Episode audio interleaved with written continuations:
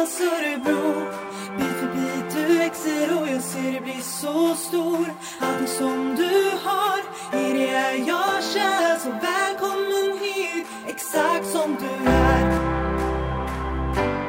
Hej och välkomna till podden Tonårstiden, hur svårt kan det vara? Jag heter Jessica. Jag heter Helena. Idag har vi bjudit in Emmy Särstedt Gramnes som är genusvetare och jobbar med hbtq-frågor. Vi har i tidigare avsnitt pratat med eh, Timmy Lejen från ungdomsmottagningen Knuffen eh, om ungdomars sexualitet och psykisk hälsa. Och där har vi varit inne lite på de här frågorna. Och idag har vi tänkt att vi ska fördjupa oss lite i hbtq-frågor. Och därför har vi bjudit in dig, Emmy. Vill Ja. du berätta lite vad du gör för någonting? Eh, Ja, jag är ju utbildad till genusvetare och det betyder att man kan jobba med nästan vad som helst som handlar om genus och kön och jämställdhet, hbtq-frågor och sexualitet och allting som är förknippat med det. Eh, Och det gör jag, men jag jobbar väldigt mycket just med hbtq-frågor precis som ni säger. Mm. Eh, Och det gör jag bland annat eh, som en del av RFSL i Örebro. Eh, och Vi har ju massor av olika typer av verksamheter som riktar sig till hbtq-personer i alla åldrar. Vi har sociala verksamheter och vi jobbar med opinionsbildning och sen har vi också eh, en stor del av vår verksamhet som är utbildning och det är den som jag jobbar allra mest med. Så jag är ute och träffar massor av kommunala och regionala verksamheter och företag och andra, eh, andra ställen som föreningar och så och pratar om hbtq-frågor. Mm. Spännande. Ja, och då tänker jag, då, då träffar du massor med folk Mm. och har, hör olika saker och får massa olika frågor och sånt när det gäller HBTQ. Skulle du kunna nämna någon av de vanligaste frågorna du får? För vi träffar ju föräldrar och hör och de frågar oss massa olika saker Mm. kring det här. Vad är det vanligaste du får frågan om? Oj, jag vet nog inte om jag har någon sån här vanligaste fråga. Det beror så mycket på kontext förstås. Jo, det förstår jag. Eh, Ja, Men precis. eftersom att det här programmet handlar om ungdomar då så kan jag säga att den vanligaste frågan från eh, lärare och andra som möter ungdomar och kanske också från föräldrar som har eh, ungdomar i typ tonårsåldern. Så, de, Ja. Mm. eh, de frågar mycket om ifall att man ska eh, låtsas som ingenting. Eh, eller Mm. om man ska ställa frågor eller om man ska bekräfta eh, unga hbtq-personer. Alltså någon, eh, vi pratar mycket om avvägningar kring att eh, låta unga hbtq-personer vara i fred och känna sig vanliga och normala. För att det är ju ingenting särskilt uppseendeväckande med att vara ung och ha en hbtq-identitet och det kanske inte är någonting som man överhuvudtaget är intresserad av att prata med någon vuxen om. Nej. Det är kanske är någonting som man själv inte tycker är särskilt problematiskt och som man inte behöver något särskilt stöd kring och som man inte vill uppmärksamma av olika skäl. Mm. Eller så är det någonting som man behöver jättemycket stöd kring.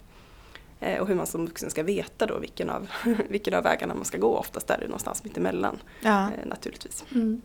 Ja, för en fråga vi har fått det är ju just det här att ja, men ska man lägga sig i, ska man inte lä- lägga sig i, ja, hur ska man göra liksom och. Så att det, jag tror det är många föräldrar som funderar kring just den. Mm, mm, just det. För man vill hj- hjälpa till. Mm. Mm.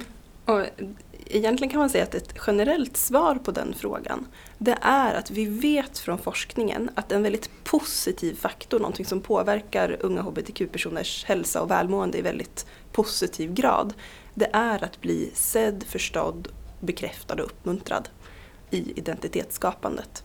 Eh, och så är det egentligen för alla ungdomar. Mm. Eh, Och alla ungdomar håller på med någon form av identitetsskapande och även vi som är äldre naturligtvis. Eh, Det är inte så att man blir färdig med sin identitet i 17-årsåldern och sen är man klappad och klar. Eh, Så. Eh, Men det man vet med unga det är att man mår gott av att någon ser att man funderar kring sin identitet och erbjuder stöd ifall att man vill ha det. Eh, Så som förälder skulle man till exempel kunna säga Ja, jag hörde att du har kommit ut som bisexuell. Är det någonting som du vill prata om så kan vi gärna göra det. Är det någonting som du vill att jag stöttar dig i så finns jag tillgänglig. Alltså att man, man erbjuder hjälp men kanske inte liksom inte kanske ställer så många andra frågor. Eh, därför att det kan ju vara så att om man är i tonåren så är det värsta man kan tänka sig att prata om sex och sexualitet med sin förälder. Ja. Ja, Och så är det väl för de flesta tonåringar ja, eh, precis. generellt. Mm. Så att man kanske inte behöver ställa så eh, ingående frågor för att visa att man uppmuntrar eh, sitt barns hbtq-identitet. Men man kan, man kan notera den och man kan säga eh, välkommen till mig ungefär Mm. om du vill Ja. prata. Mm. Mm. Ja, men bekräfta lite att man ser, att man förstår eller vet att man liksom öppnar upp för att man Mm. vill prata om Mm. det. Om- Ja. Och det kan ju också vara så att man eh, med fördel kan visa medvetenhet om att det kan vara någonting svårt och dramatiskt att komma ut i en hbtq-fobisk omvärld. Mm.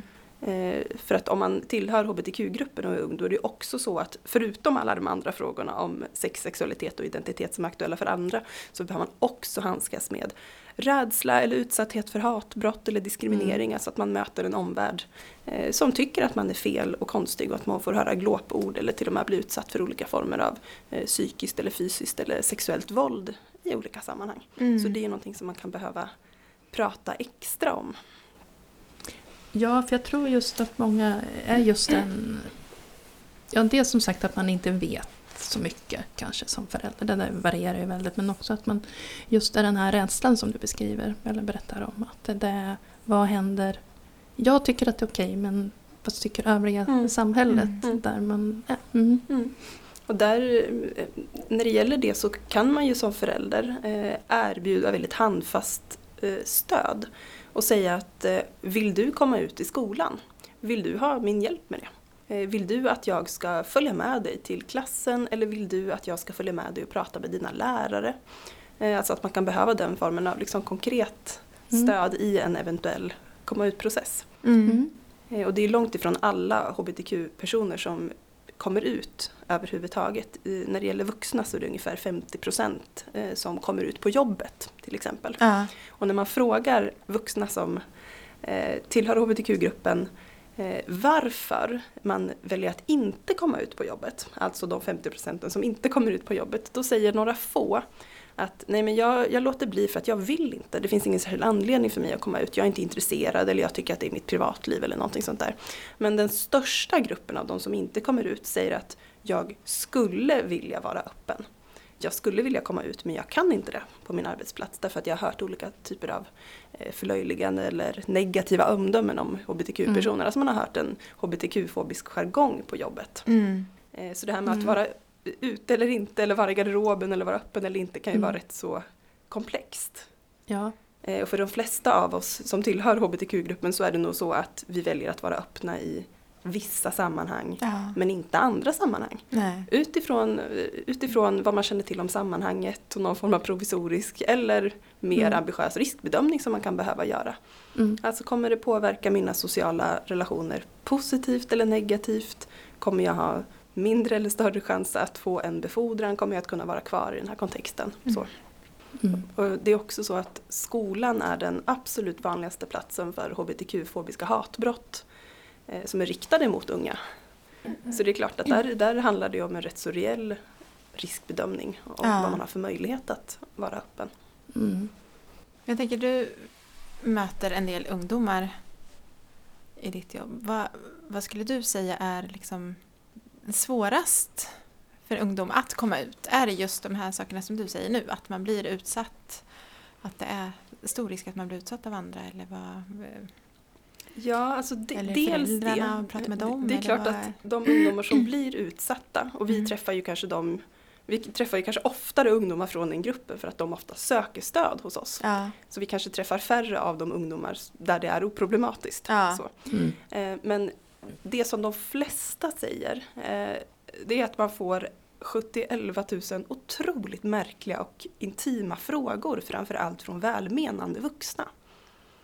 Okej. Alltså från Mm. föräldrar eller från en kurator eller från eh, lärare, från någon som man träffar. Alltså att man, man får 10 000 frågor som eh, framförallt om man kommer ut med en transidentitet. Mm. Alltså om man är eh, varken kille eller tjej eller om man upplever att man tillhör eh, det kön som man inte klassificerade som när man föddes. Mm. Mm. Eh, Det är ju det som är innebörden av begreppet trans, alltså att man bryter könsnormer på ett eller annat sätt. Och om man kommer ut med en transidentitet då är det många som berättar att då får man frågor som, jaha, vilken avdelning går du in på på Hennes och Maurits? Vilken toalett går du in på? Men om du spelar fotboll, vilket lag ska du tillhöra då?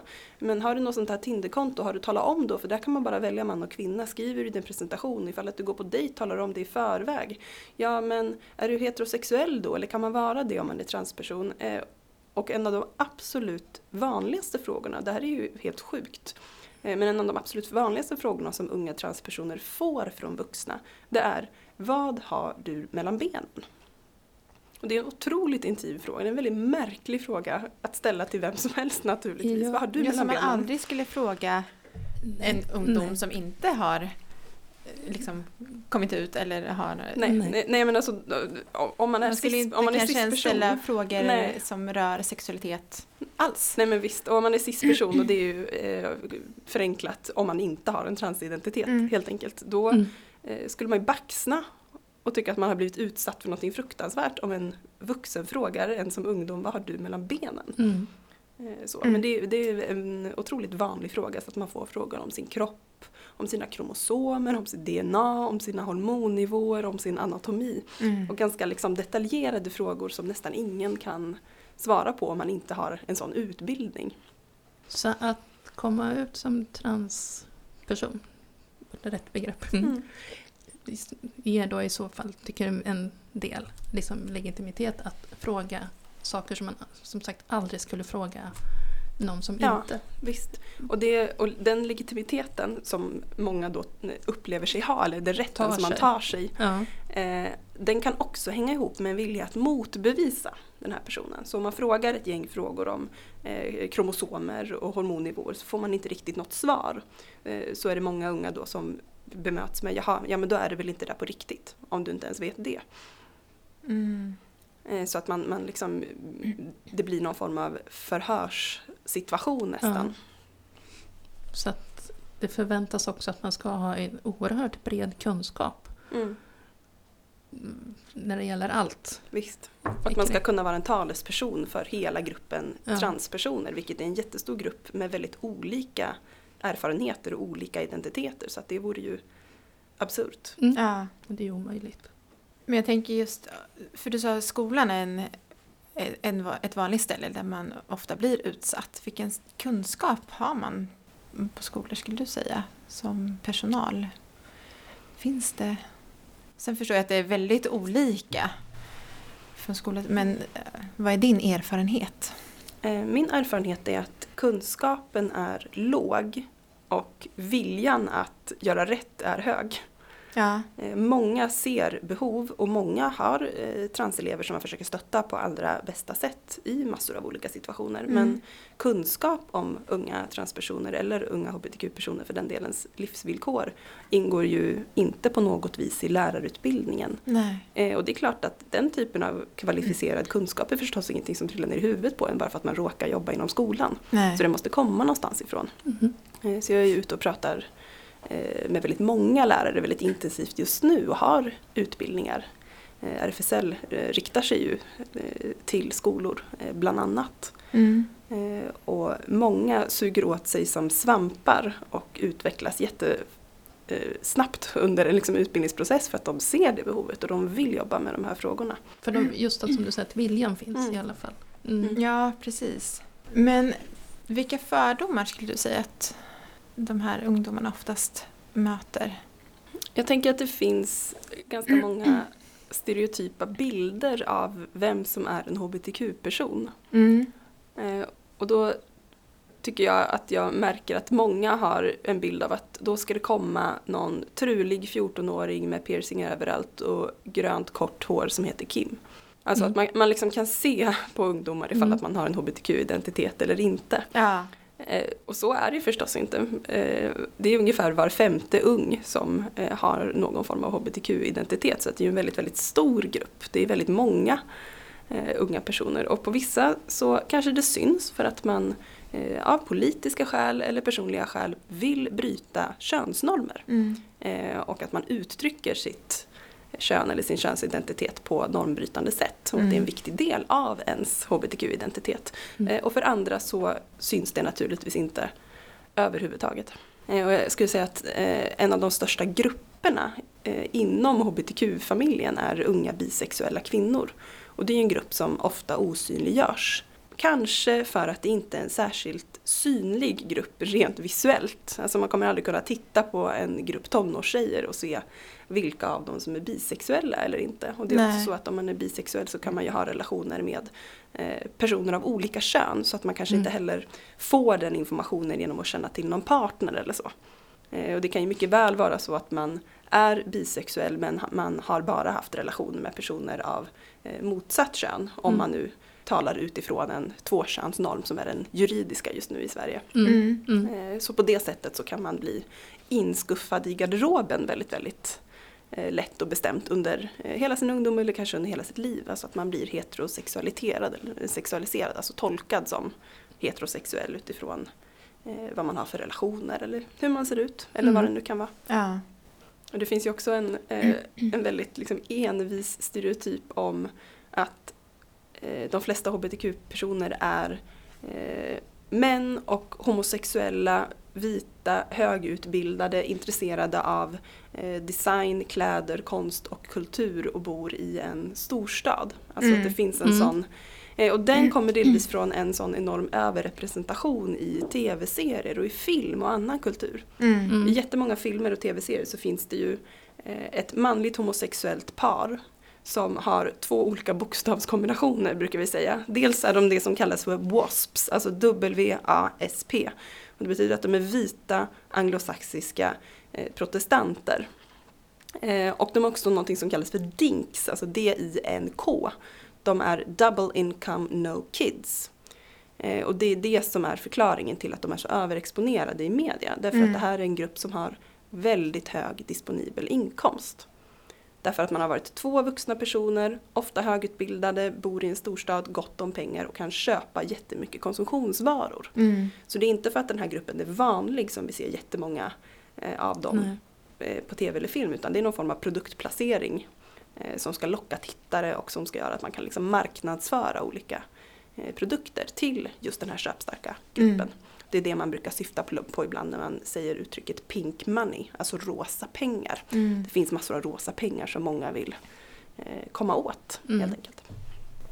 Tänk vad det finns mycket som man inte... Men det stämmer ju det du säger. Ja. Tittar Ja. man på, men det är ju det, vilken film nästan som helst. Så har man ett, eh, och är ett homosexuellt par med, då ska det ju gärna vara för att man ska vara politiskt korrekt. Mm. Men då är det ju två vita män. Ja, visst. Mm. Mm. Man pratar aldrig om eh, ett lesbiskt par eller något sånt. Aldrig, men det är sällan. Sällan, mer Ja. sällan. Mm. Eller bisexuella. Eh, Bisexuella är ju den absolut mest osynliga gruppen Ja. på TV. Eh, antingen så är man lesbisk eller så är man eh, man och homosexuell Ja. i de flesta TV-serier.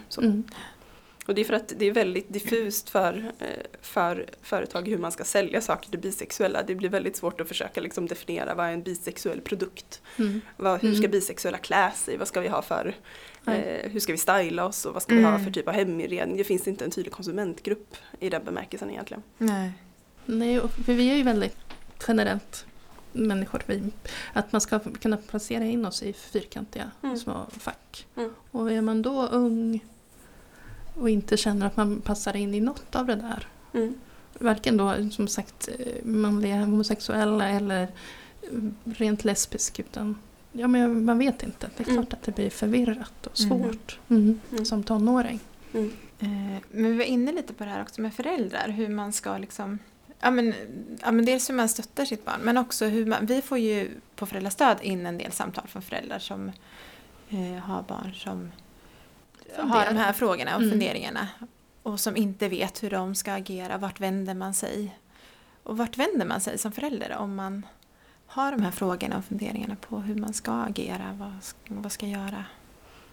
Eh, ja, man man, kan ju vända sig till oss på RFSL Mm. förstås. Så vi har ju Facebook-sida som är väldigt lättillgänglig. Då kan man skicka Messenger-meddelanden eh, till oss om man går in på eh, RFSL Örebros Facebook-sida. Ja. Och Man kan gå in på vår hemsida också. Där ser man ju våra olika mejladresser Mm. ifall att man föredrar att skriva ett mejl. Och då kan man också boka samtal eh, för sig själv eller för sig själv och eh, sitt tonårsbarn om man vill komma tillsammans. Om man behöver prata tillsammans med en kurator eh, till exempel. Så det finns egentligen rätt så goda möjligheter till eh, olika former av råd och stöd. Vad bra. Ja, men för just eh, det här, ja men komma själv. Om man då inte som, man som förälder inte är säker och, och kanske inte vill dra med sig sitt barn Mm. utan man vill bolla med någon Mm. innan man tar upp de här Mm. frågorna med Mm. sin tonåring Mm. så är ju det jättebra att man Mm. kan komma. Ja, det är väl alldeles perfekt för det kan ju faktiskt vara så att ens tonåring inte har några särskilda problem med det här. Nej, och, Nej, in, och inte behöver problematiseras eller Nej, stigmatiseras genom att liksom släppas med till något kuratorsamtal för att man råkar vara icke-hetero eller för att man inte är en cis-person. Eh, men Mm. det kan ju vara så att det är föräldern som har behov av att bolla sina farhågor och funderingar och tankar och känslor. Ja, Eh, så att man senare kan eh, bemöta sitt barn på bästa sätt. Ja, precis. för det kan ju vi märka tycker jag hos oss på föräldrastöd. Att man ofta vill att ja, men mitt barn behöver nog prata med någon. Ja, men har ditt barn sagt det? Nej, men jag tror att det skulle vara bra för den ifall, vi, ifall den inte vill prata med mig och har någon annan att prata med. Det är ju inte säkert att man vill göra det. Att barnet behöver gå och prata med en kurator utan det kanske är föräldern som behöver stöd. Mm. Att stötta sitt barn sen. Visst, mycket möjligt. Mm. Så att, ja. Men det tycker jag att jag hör ganska ofta. Att, ja, men jag tror att det vore bra om den ville. Den vill ju inte komma hit men jag tror att det skulle vara bra ändå ifall. Och vill att vi kanske ska ta emot barnen men de vill inte alls komma till oss. Mm. Det är föräldrarna som är viktigast tänker jag. ja precis. Mm. Nej, för vi på fältgruppen får ju också Mm. just där att ja, men jag tror att min tonåring behöver prata med någon. Mm. Mm, ja, fast som sagt, i det här fallet kanske det inte är just så. Mm. Men att de är välkomna. Mm. Jag tänker just i de här frågorna så handlar det kanske också mycket om osäkerhet. Vad ska jag säga när mitt barn frågar det här? Jag vet inte riktigt vad jag ska svara. Det kanske är bättre att någon som kan det här pratar om det här. Eller... Mm. Då, då tänker jag, jag, jag kan förstå den eh, tanken. Mm. Eh, Men det blir också otroligt eh, stolpigt och lite märkligt om man tänker att man behöver en expert för att prata om livsfrågor med sitt barn. Ja. Bara för att barnet råkar ha en hbtq-identitet. Mm. Alltså det är inte kärnfysik. Det är ingenting stort, mörkt eller jättefarligt och man behöver heller inte känna att man måste vara superduktig på alla ord och begrepp som finns för att kunna ha ett meningsfullt samtal. Nej, Eh, därför att det är ju inte ens roll som förälder. nej. Alltså man behöver ju inte upplysa eller eh, utbilda sitt barn. Eh, utan man behöver ju bara vara förälder eh, och kanske snarare lyssna Mm. och ställa öppna frågor. Ja. Alltså är det någonting kring det som du vill prata med mig om? Mm. Tycker du att det har gått bra för dig att komma ut eller är det någonting som har varit knepigt? Vill du prata om det? Mm. Alltså så att man behöver ju kanske inte känna att man behöver vara så teknisk eller, eller ingående. Nej, att man inte behöver veta Nej, allt. nej. Nej. Nej, för det är väl där det handlar om att man är rädd att men säga fel Mm. och att Mm. kränka. Eh, det, för det vill man ju inte. Nej visst. Utan då att det ska bli så rätt. Mm. Men som du säger, att man istället men man frågar. Mm. För jag tror att de, de situationer där det finns en risk för att man säger någonting dumt eller kränker sitt barn, det är ju om man själv kommer med massor av omdömen Mm. Ja. eh, om hbtq-personer eller vad det innebär eller hur det borde vara eller ska Ja. vara. Eh, som kanske inte stämmer överens med, dels kanske inte med fakta och kanske inte med hur den unga personen själv tänker. Men att, att fråga öppna frågor blir ju väldigt sällan fel. ja. Nej, precis. Utan, mm. Men också att om man då ställer öppna frågor att man kan ha is i magen och respektera svaret. Mm. Om man Mm. får svaret, nej jag känner inte för att prata om det här. Okej, Nej, precis. okej då gör vi inte det. Säg till Nej. om du ändrar dig. Ja. Ja, men precis. För då har man i alla fall ställt frågan. Man har visat att man är intresserad. Att, Mm. Okej, kanske inte som sagt nu, men längre fram. Eller, mm. Mm.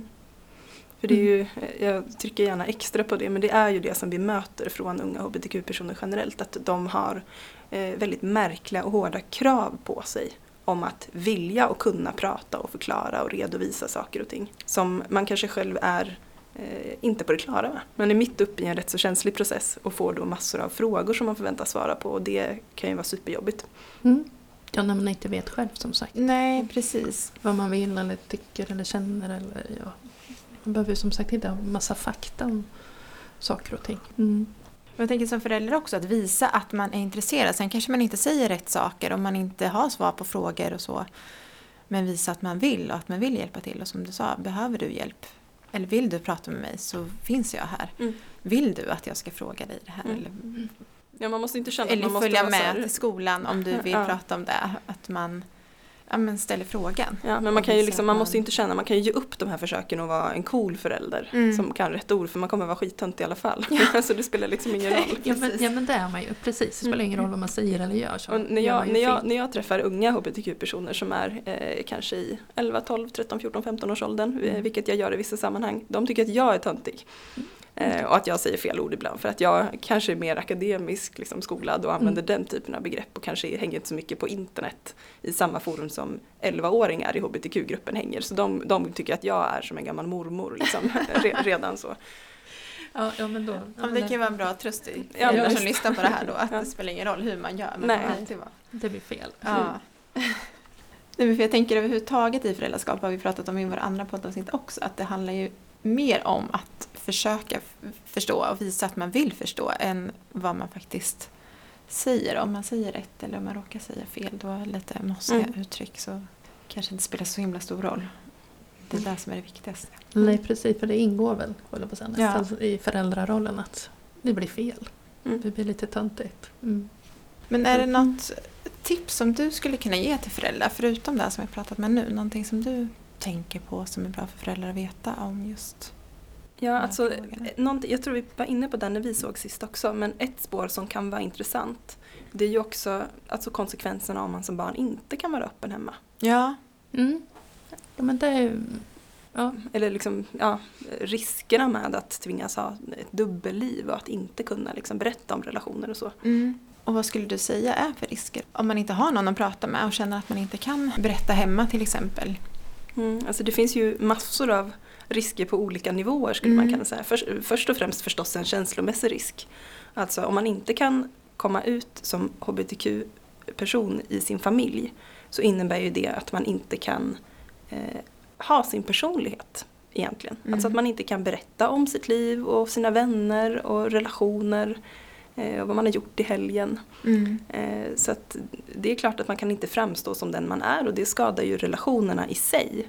Därför att en person som aldrig berättar någonting om sig själv, om sina Mm. känslor eller sina tankar eh, får väldigt svårt att eh, knyta an till andra Mm. eh, och skapa relationer överhuvudtaget. Mm. Eh, Och det ser man också i eh, dels i den organiserade ungdomsidrotten men också i skolan så ser vi att unga hbtq-personer som inte kan vara öppna har färre vänner. Alltså för att man framstår som ganska platt och tråkig som person. Mm. Om man Mm. hela tiden behöver bita sig i tungan för att inte råka avslöja Nej. att man är en hbtq-person. Så att Mm. det, det sociala livet kan bli väldigt kringskuret och isolerat om man inte eh, helt enkelt kan ha sin personlighet och visa vem man är. Mm. För det är så centralt för alla människor att berätta om sina relationer och berätta om sina fritidsintressen. Eh, och att man har vänner i olika grupper som kanske kan träffa varandra på någon födelsedagsfest. Eh, eller så. Mm. Alltså att man inte behöver ha vattentäta skott mellan olika eh, delar av sitt liv som många eh, unga hbtq-personer eh, kanske tvingas ha. Mm. Eh, så det, det är det som handlar mer om känslor och relationer. Mm. Men sen finns det också andra risker som är förknippade med att man blir extremt beroende av de få personer som kanske känner till att man finns i hbtq-gruppen. Eh, Om man till exempel har en kärleksrelation med någon eh, som ens föräldrar absolut inte får känna till så blir man väldigt, väldigt sårbar i den relationen Ja. i relation till just den personen som kan hota med att avslöja att man är hbtq-person, eh, som kan utsätta en för sexuella övergrepp eller ekonomiskt våld Mm. eller på olika sätt dra nytta av att man inte kan vara öppen i olika sammanhang och att det finns en risk med att, att bli outad som man brukar säga, alltså Mm. att någon avslöjar eh, att man är en hbtq-person. Ja. Och vi ser ju också i den extrema änden av det spektrumet så, så möter vi också unga hbtq-personer som inte kan bo hemma i sina familjer för att man utsätts för eh, allvarligt våld eller för att man har blivit utkastad hemifrån när man har kommit ut. Eh, och då ser vi att man blir beroende av kanske äldre personer som man har relationer med, man kanske tvingas prostituera sig fast att man inte vill det. Mm. Eh, Man blir i praktiken hemlös. Så det finns ju ungdomar som går i gymnasiet som inte går hem efter skoldagen för att man inte kan vara hemma av olika skäl. Som kanske bor på en soffa här och där eller bor utomhus vissa nätter. Mm. Ja, och, så, och de då inte heller vågar tala om det. För det, inte, det blir ju inget vanligt bråk med föräldrarna. Då blir det ju ett skäl varför de inte kan gå hem. Liksom. Det. Nu har jag snurrat in mig något som Ja men visst, om föräldrarna har fördömt att man är hbtq-person från, början och sen så har man eh, Ja. hamnat i en situation som är förknippad med det. Ja. Så ligger det förstås ännu längre bort att Exakt. söka hjälp. Ja. det. Exakt. Ja, men det blir man ju väldigt utsatt. Ja, precis. För man går inte till skolkuratorn då och berättar att jag blev utkastad. Mm. Till exempel. Mm. För det kan man ju inte göra för då kommer det ju fram varför man blev utkastad. Ja, så tvingas man konfrontera en hbtq-fobisk familj i förlängningen då liksom. Ja. Mm. Föräldrar är ju som, som sagt fundera på hur deras barn mår och sånt. Och, sånt där. och när det gäller hur hbtq-frågor och där upplever väl ibland att de funderar ju, vi har ju varit inne lite grann på det och vad man ska göra som förälder och men en del föräldrar tror jag går och funderar på, finns det något tecken på hur man ser att ens barn går och funderar på kring sin sexualitet och vem man är och sådana saker när det gäller det här hbtq. Mm. Ja, det, det är ju det här de klipper håret och färgar det grönt. Ja men precis, och byter namn till Kim. byter namn till Kim, då vet Ja. man. Nej, Mm. nej men skämt åsido. Ja. Eh, så eh, nej, jag skulle inte säga att det finns några särskilda tecken som man bör liksom känna till eller hålla utkik efter. Eh, många eh, föräldrar som har barn, eh, också väldigt unga barn, väldigt små barn, som Mm. har transidentiteter märker det förstås för att barnet säger att man vill använda ett annat namn än det som Mm. man har blivit döpt till. Eller för att man vill ha kläder som kategoriseras som eh, det kön som man själv inte tillhör, eh, om jag talar utifrån en binär eh, könsuppfattning. Mm. Eh, så på så sätt så kan det förstås bli märkbart eh, med just eh, transidentiteter. Mm. Eh, Men det kan ju också vara så att man experimenterar med namn och pronomen och kläder av olika skäl. Det är många som gör det. Ja men visst. Utan, utan bara för att det är roligt att testa. Ja men visst, och jag, Mm. jag tror att alla eh, rätt så små barn tycker att det är jätteroligt att prova olika typer av kläder och klä ut sig och experimentera med sin identitet. Och det gör ju små barn utan att man kanske behöver göra en stor grej av det. Mm. Precis. Hur ska man bemöta det då om man har, jag tänker, särskilt när man har mindre barn. Hur ska man liksom bemöta det? För vi har fått en del samtal till oss och då har det varit barn kanske mellan fyra, sex, sju år som har uttryckt att de eh, vill vara ett annat kön eller sådär. Mm. Och där har vi fått en del frågor från föräldrar. Hur gör man? Ska jag, hur ska jag bemöta det? Ska jag Mm. gå med i det eller ska jag liksom, hur ska jag prata om det? Alltså, där är forskningen faktiskt väldigt tydlig. Eh, Så där kan man ge ett ganska klart svar. Mm. Nämligen eh, bejaka och uppmuntra det. Om man har en son till exempel som säger att "Nej, men jag vill heta Maria och jag vill ha prinsessklänning på mig, jag vill ha den här utklädningsklänningen på mig för då känner jag mig som mig själv. Så säger man så här, ah, vad fantastiskt härligt att du är dig själv i den här klänningen, ha den på dig Maria. Ja, Eh, ungefär. ja. Eh, För det finns det också mm. föräldrar som frågar att kan jag påverka mitt barn så att det, om jag har en pojke som vill ha klänning, kan, jag, kan den bli homosexuell då? För Ja, att jag låter den, mitt barn ha Mm. klänning och måla Mm. naglarna. Och, Mm. För det tänker jag också är frågor som kommer. Just det. Kan Mm. jag som förälder göra mitt barn homosexuellt eller påverka? Mm.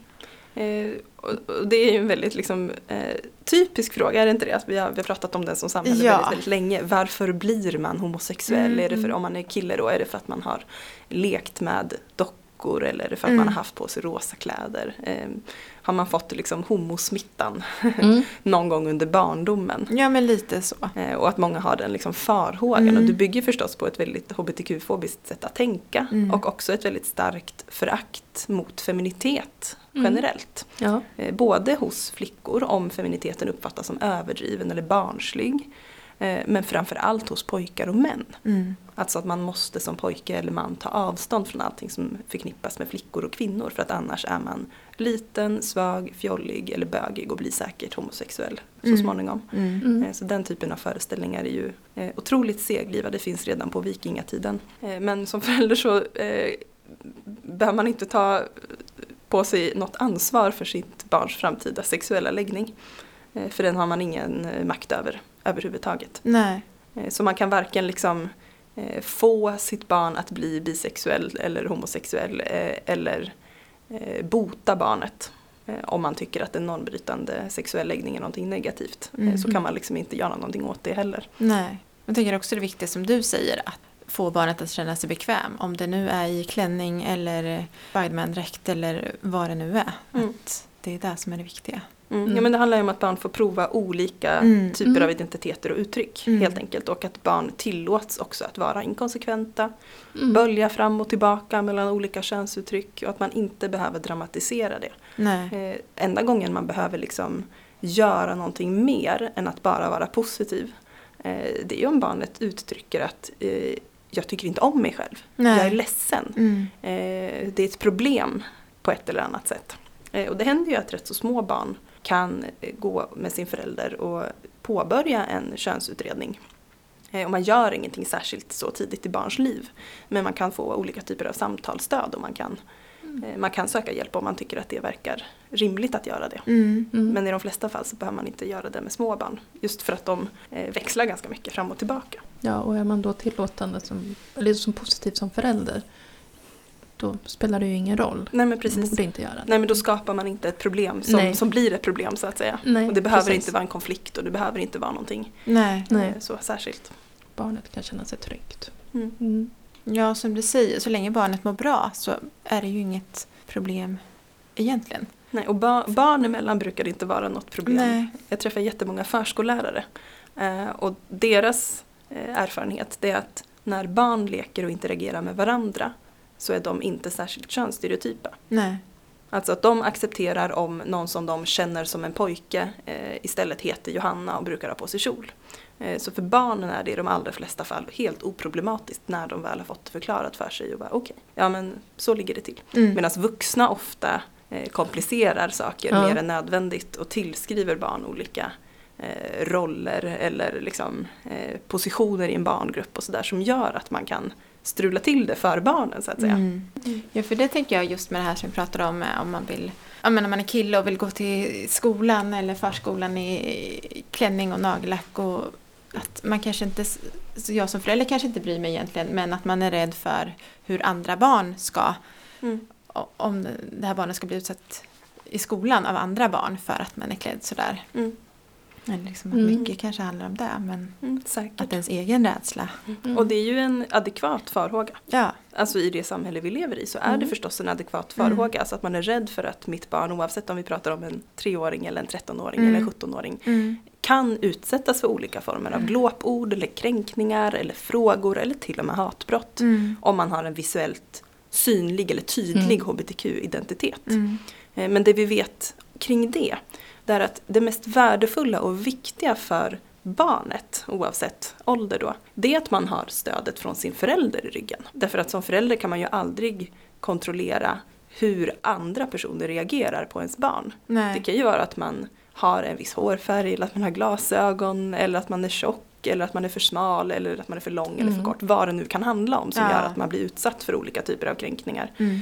Eh, och så är det förstås med en visuellt synlig hbtq-identitet också. Mm. Att om man vet att jag har 100% uppbackning från eh, mina nära och kära Mm. eh, så är det det som på sikt har störst betydelse. Mm. Så det är alltså mycket sämre att säga ja men Johan ska du verkligen ha på dig nätstrumpbyxor i skolan? Kan du tänk om någon säger någonting om det? Mm. Eh, det är liksom en sämre utgångspunkt än att bara stötta och backa till 100%. Mm. Så att man ska liksom inte försöka få unga hbtq-personer att passera eh, som heterosexuella Nej. eller som cis-personer. Man ska inte försöka liksom skuffa in i garderoben för att man är rädd för omgivningens eh, reaktioner. Det är ju liksom ingenting som underlättar identitetsskapande och en eventuell komma ut-process. Och det är också någonting som kan vara väldigt skadligt för ens egen relation till barn. Ja, pre- precis. För då, som sagt, då godkänner man ju inte. Då känner ju inte barnet att man har stöttning till 100 Nej. procent. Utan då, är, då blir det en liten tveksamhet. Precis. Mm. Även om det är i all välmening. Ja. Som förälder. Så att, eh, mm. Och sen blir det också den här potentiella situationen när jag som förälder har sagt åt mitt barn, gå inte ut sådär. Barnet går ut sådär, ja. eh, blir utsatt för någonting. Mm. Eh, då är ju steget till att faktiskt berätta om det mycket större. Mm. För då är man jätterädd för en så här skyldig själv-reaktion Ja. förstås. ja, precis. Mm. Och kanske också att man känner skam. Att man, gud, hade jag bara lyssnat, inte gjort så här, då hade jag inte råkat ut för det här.